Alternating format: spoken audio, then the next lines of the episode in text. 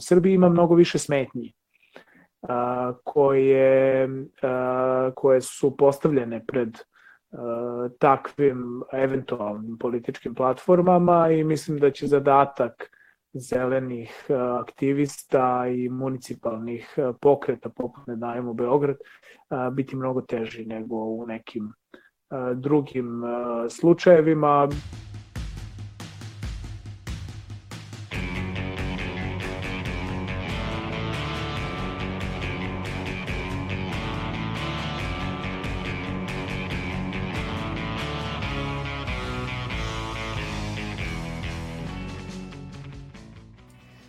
Slušate novo izdanje podcasta Reaguj, nezavisnog društva novinara Vojvodine.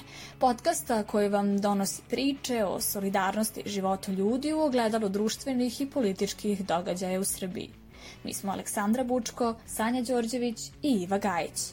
Sa nama su i kolege Irena Čučković i Nemanja Stevanović. U ovoj epizodi podcasta Reaguj bavimo se zelenim pokretima i njihovim potencijalom da donesu promene na političkoj sceni Srbije, ali i zainteresuju mlade da učestvuju u političkom životu. Sredinom avgusta nekoliko stotina aktivista pokreta Odbranimo reke Stare planine i Meštana sprovela je akciju probijanja cevi za mini hidroelektrane iz Rakitske reke na Staroj planini. Kako kažu, uradili su ono što je bila obaveza države u proteklih godinu dana. Inače, pokret Odbranimo reke Stare planine osnovan je 2016. godine i jedan je od najzapaženijih u Srbiji. Aleksandar Jovanović Ćuta, član i jedan od osnivača pokreta Odbranimo reke Stare planine, govori o tome kako su uspeli da privuku pažnju javnosti i zainteresuju veći broj građana da se pridruže njihovim akcijama i protestima, ali i alarmiraju međunarodne institucije da reaguju i spreče uništavanje reka na Staroj planini. Na početku smo bili sami i svi su nam govorili da smo lajci. Tačno je, mi nismo e, iz, iz ihtiološke, biološke i bilo kakve prirodnjačke struke, niti smo pravnici, ali umeđu vremenu se priključila i struka. Umeđu vremenu mi smo stup, stupali u kontakte sa, sa međunarodnim institucijama, tako da nakon skoro godinu i po dana, već nakon skoro godinu dana, mi, mi smo dobili rezoluciju Evropskog parlamenta o zabrani, o, o, o ja, o jasnom, o zabrani gradnje malih hidrocentrala na staroj planini. Mi smo im dobili jedan, uh, jedan stav Europske komisije takođe protiv malih hidroelektrana. Mi smo uh, pozvali na sastanak sa Europskom bankom za obnovu i razvoj koja, tako, koji su, koja je pokrenula ove projekte, koja je takođe odustala od svega ovoga. Dakle, mi smo pokrenuli međunarodne institucije, a naravno i domaće. Mm -hmm. Evropska, uh, se, inženjerska komora, akademija, je javno istupila takođe protiv ovoga. Srpska akademija nauke i umetnosti je prošle godine u junu mesecu organizovala simpozijum na ovu temu. Dakle, mi smo, uh, mi smo sproveli za to vreme na desetine tribina i organizovali takođe proteste. Jedan od najvećih protesta, to je ubedljivo najveći protest ekološki u, u istoriji se desio 27. januara 2019. godine na Svetog Savu, bilo 7.500 ljudi. Naš sagovornik govori o tome kako izgleda život danas u selima na Staroj planini. Uz podršku ljudi koje je pokret dobio tokom akcije i protesta planiraju da unaprede ovaj region, ali nikako da ga urbanizuju. Mi smo pristupili nečemu što je naš krajnji cilj, a to je a, nastavak života na Staroj planini. Mi smo ostali bez stanovništva, o malo ljudi koji, koje tamo nema ko da brine o njima, država nema nikakav plan i taj čitav prostor koji je pod zaštitom nekako nekako nema plana za njega. Tako da smo mi napravili, stupili u, u, u, ušli u projekte sa arhitektonskim fakultetom i obnovili pre dve godine jedan dom kulture u Dojkincima i krenuli u obnovu napuštenih školskih zgrada a, s idejom da ih pretvorimo u, u planerske domove, a ono što je bitno da ljudi koji su dolazili na proteste sve ove godine na staroj plani, ja mislim, računamo da ih je bilo neko 20.000 za ove tri godine, to su ljudi koji se sad javljaju većina njih kao turisti koje ove godine imamo u, novom, u velikom broju. Mi star, za staro planinu imamo plan kako da je čuvamo i kako da je razvijamo da se ne, da, da se ne pre, da, da, da, da, da, da od nje ne, ne napravimo Zlatibor, Kopaonik i ono što imamo gore, jednu urbanizaciju, hektare parkinga i betona. stara planina mora ostane ovakav kakva jeste i time se bavimo mi sad ćemo uskoro izaći u javnost, mi imamo projekat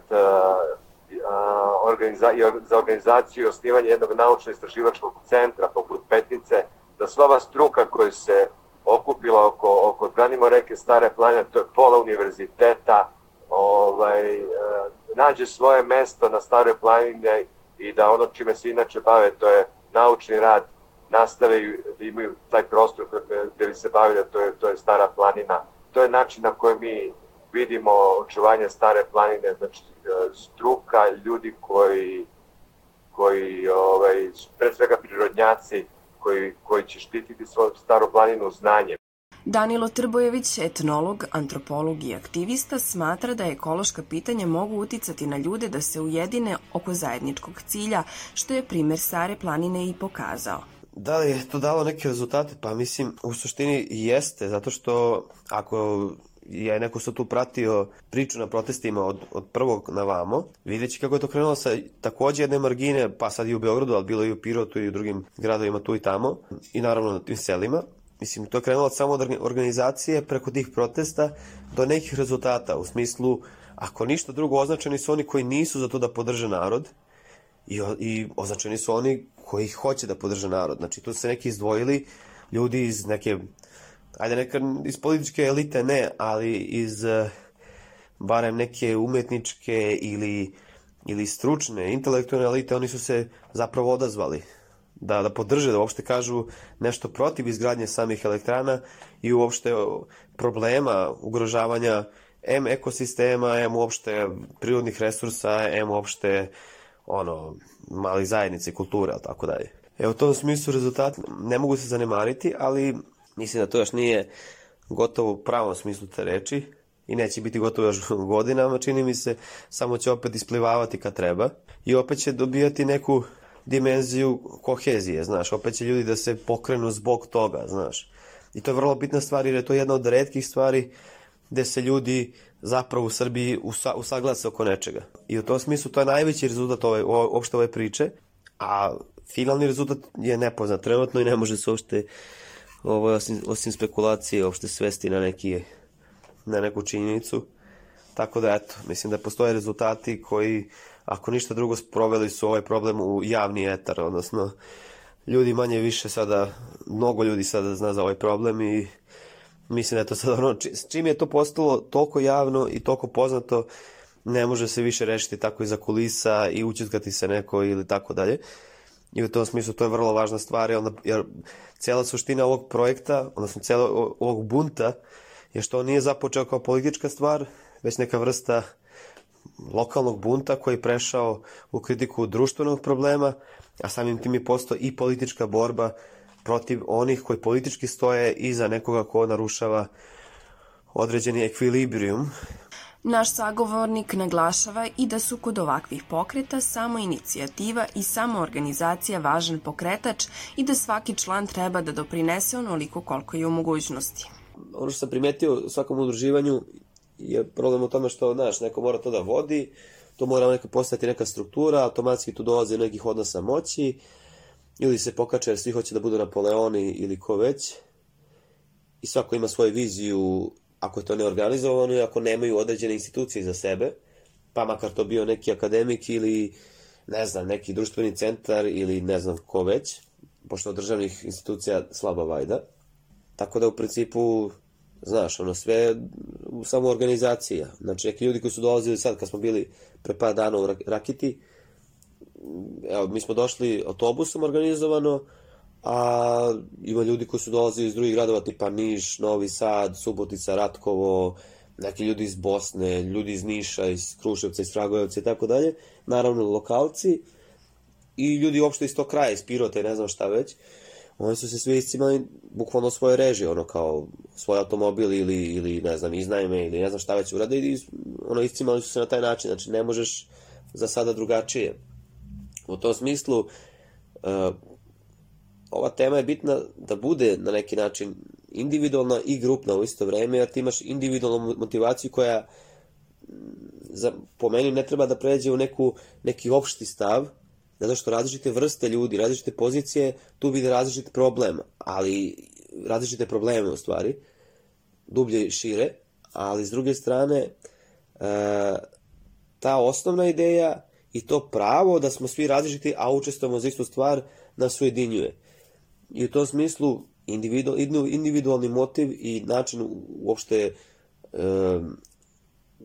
ulaska u tu borbu na bilo koji način, da li to, da li ti držiš blog, praviš podcast ili ne znam, bili su ovi iz Marke Žvake, oni su snimali prilog o tome i to je isto bitno, znaš, ono, bitni su i ovi što lupaju onim macolama po cevi, bitni su i ovi drugi što, ne znam, dojavljuju kada je tu policija, bitni su i ovi treći koji organizuju ljudi, komuniciraju, znači svako ima neki način da pomogne, naravno najbolje bi bilo i oni koji su mogućnosti da financijski doniraju, ne znam kako već to ide, Tokom poslednjih nekoliko godina u Srbiji se beleži porast broja zelenih pokreta i udruženja koje se bave zaštitom životne sredine. Trash Hero je svetska organizacija koja je nastala na Tajlandu. Cilj im je bio pokupiti otpad sa plaža koje se tamo nalaze. Dragana Katić, osnivačica prvog poglavlja svetske Trash Hero organizacije u Srbiji, objašnjava da je cela ideja krenula od toga da je njoj bilo normalno da pokupi smeće za sobom i veoma joj je smetao otpad u njenoj okolini. Interesovalo ju je da li bi se ljudi odazvali na akcije i iskoristila je društvene mreže. Objasnila nam je da je prva akcija bila eksperiment. Ako bismo pozvali ljude, hajde da vidimo koliko će ljudi stvarno da dođe. Objašnjava Katić i dodaje da je prvi put oko 30 ljudi kliknulo da će doći, a bilo ih je petoro. Već na sledećoj akciji je bilo preko 30, a na trećoj preko 100. Imali smo 23 akcije čišćenja do sada. Ove godine, nažalost, nismo organizovali ni jednu zbog zabrane okupljanja, međutim sada ipak razmišljamo da ipak organizujemo neke akcije koje bi bile onako manje za do 10 ljudi. Ali ako pričamo do do ove godine. E, od 2018. E, smo napravili 23 akcije i e, u njima skupili sigurno preko 5 tona otpada što je, što je stvarno onako značajna cifra kada se razmišlja o tome da, da je to otpad iz prirode, iz, iz, iz naših gradskih šuma. Broj volontera koji je do sada učestvovao preko 5000 u celoj Srbiji, zato što smo mi prošle godine pokrenuli i taj e, treš izazov, koji je e, podrazumevao da se male grupe ljudi organizuju i, i, i očiste svoj kraj, tako da je tu bilo jako mnogo akcija i to je onako nekako dobilo prosto jednu širu dimenziju. Zatim imali smo dve velike organizacije za svetski dan čišćenja 2018. i 2019. godine. To su datumi kada zapravo na jedan dan ogromna količina ljudi, pojedinaca, udruženja, čak i društveno odgovornih kompanija se uključi, tako da na tim samo pojedinačnim danima bude preko hiljadu i po dve e, volontera u celoj zemlji. 2018. godine kad sam počela da organizujem akcije za Svetski dan čišćenja je bilo 50 akcija u Srbiji. Ona kaže da zelene inicijative okupljaju ljude koji su složni da imaju jednog zajedničkog neprijatelja. Bilo da je to smeće, mini hidroelektrane ili klimatske promene. Zbog toga su i složni kada se bore za svoj cilj zato što nam je isti cilj. Mi imamo negde to, to nam je u mentalitetu da kada, nam, da kada imamo, da kažem, zajedničkog neprijatelja, mi se onda udružimo i jako smo solidarni. Kada su u pitanju protesti, tu smo imali tu situaciju da mi nismo svi u stvari jedinstveni, da se ljudi iz različitih e, motiva bune, a da onda na kraju se desi, je, ne, ovi su levice, ovi su desnice, ovi su ovako, ovi su onako, da mi tu u stvari nismo, nismo da kažem, uniformni. A kada su u pitanju ova, ovakve akcije, tu mi onda imamo stvarno isti zajednički cilj i ljudima je on potpuno jasan. Udruženje Fruškać je osnovano je 2015. godine samo inicijativom entuzijasta i zaljubljenika u prirodu. Njihove skorašnje aktivnosti obuhvataju podizanje svesti ljudi o problemu divljih deponija i zagađenosti, ali i čišćenje tih deponija i sadnju drveća na Fruškoj gori. Nikola Režina iz udruženja Fruškać kaže da su građani, među kojima ima i mladih, zainteresovani da učestvuju u njihovim akcijama, ali da država ne prepoznaje doprinos koji nevladin sektor može pružiti u rešavanju ekoloških problema. Sadašnja vlast apsolutno ne prepoznaje to ili ili je u cilju da, kako kažem, te nevladine organizacije ne rastu, jer oni su nekako, su tu pored toga što kao jeli, su aktivisti u, nekim poljima, su kritika za jeli, pozitivna kritika. Ovde se još i uvek dalje kritika smatra kao napad. Kad vi osetite da, da vas neko kritikuje, to ne znači da vas napada. Ja, ja bi to shvatio kao, kao nešto gde treba da obratim pažnju da rešim taj problem, a ne kao nešto, neko mene napada zato što ja ne radim dobro svoj posao. I kad se tu napravi jasna ovaj, razlika i kad država prepozna, to će značiti Naš sagovornik komentariše mogućnost udruživanja i političkog angažovanja ekoloških pokreta. Kaže da to može biti jedan od legitimnih načina ostvarivanja većeg uticaja na donosioce odluka.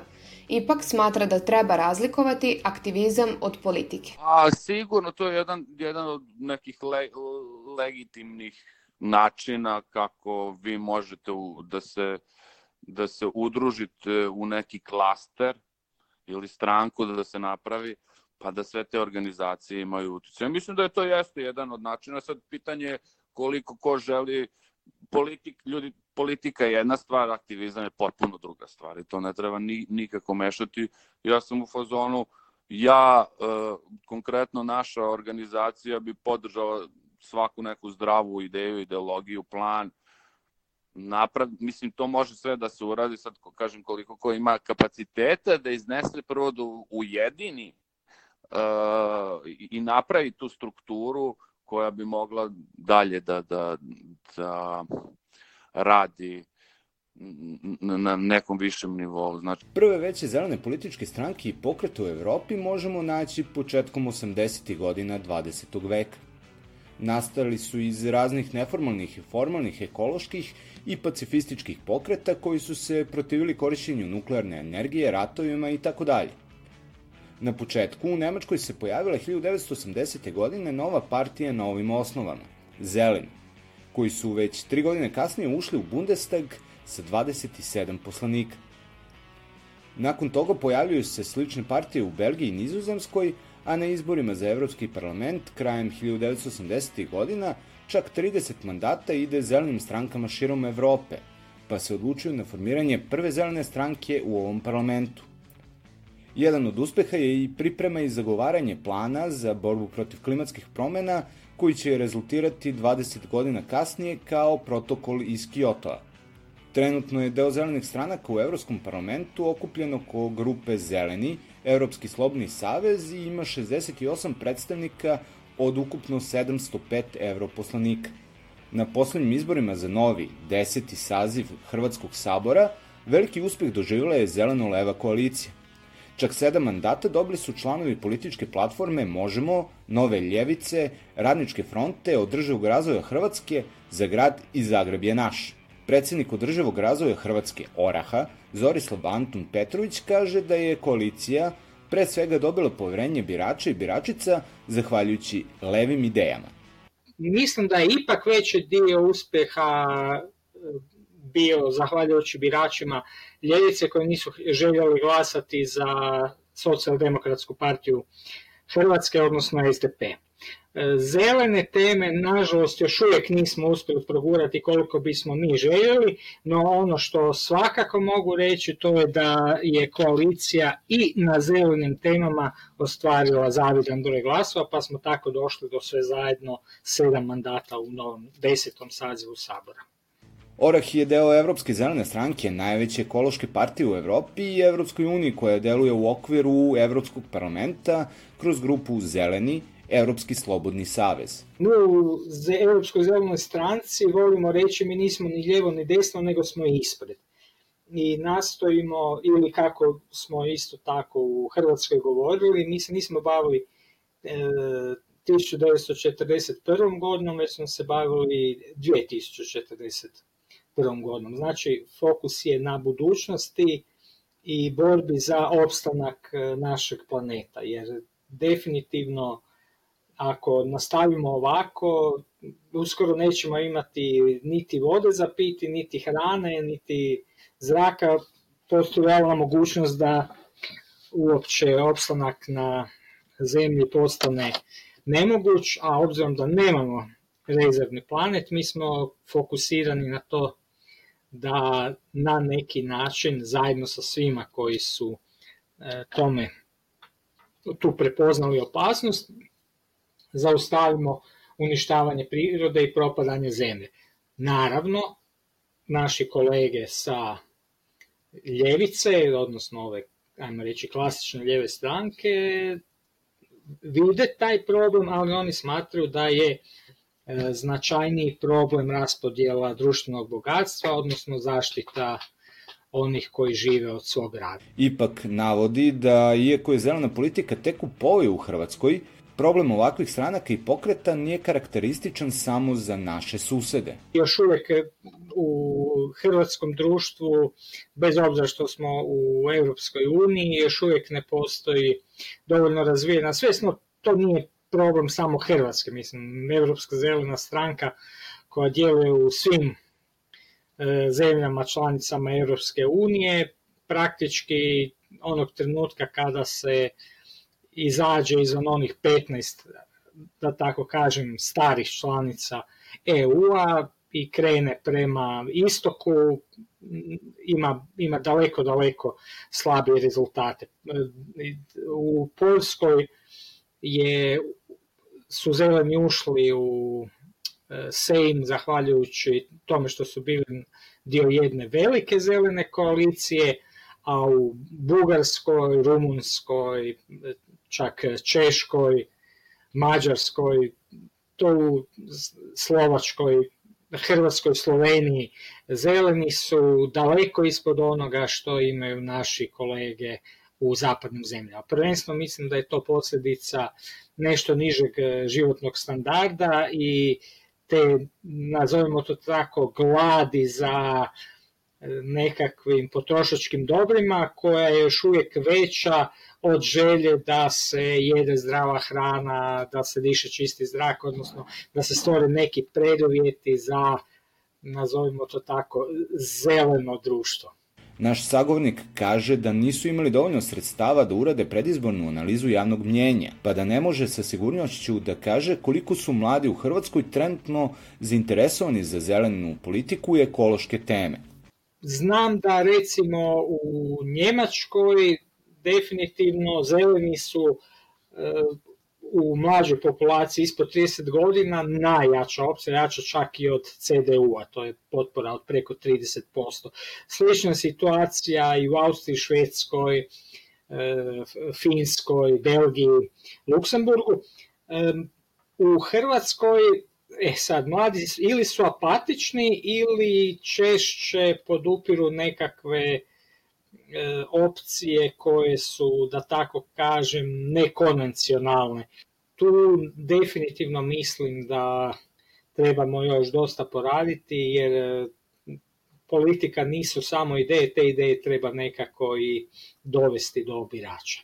Politikolog Filip Balunović smatra da je društveni i politički kontekst u Srbiji specifičan i drugačiji u odnosu na Hrvatsku i da se još nisu stekli svi uslovi da bi jedna zelena koalicija mogla ostvariti veći politički uticaj. Srbija je dosta nezgodan kontekst da bi se gurale i municipalne ideje i zelene ideje i vidimo da su u, na primer, Hrvatskoj pravo na grad i a, koja po, pod uticajem kog nastaje posle i, i inicijativa i politička platforma Zagreb je naš, pa onda posledično i možemo, da je to išlo onako jedno za drugim, jedno za drugim, imalo je svoj neki prirodni tok. U Srbiji ima mnogo više smetnji koje, koje su postavljene pred takvim eventualnim političkim platformama i mislim da će zadatak zelenih aktivista i municipalnih pokreta poput Ne dajemo Beograd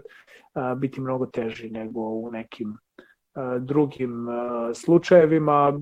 Balunović objašnjava kako je došlo do prisustva predstavnika različitih ideoloških pozicija na pojedinim ekološkim akcijama u Srbiji.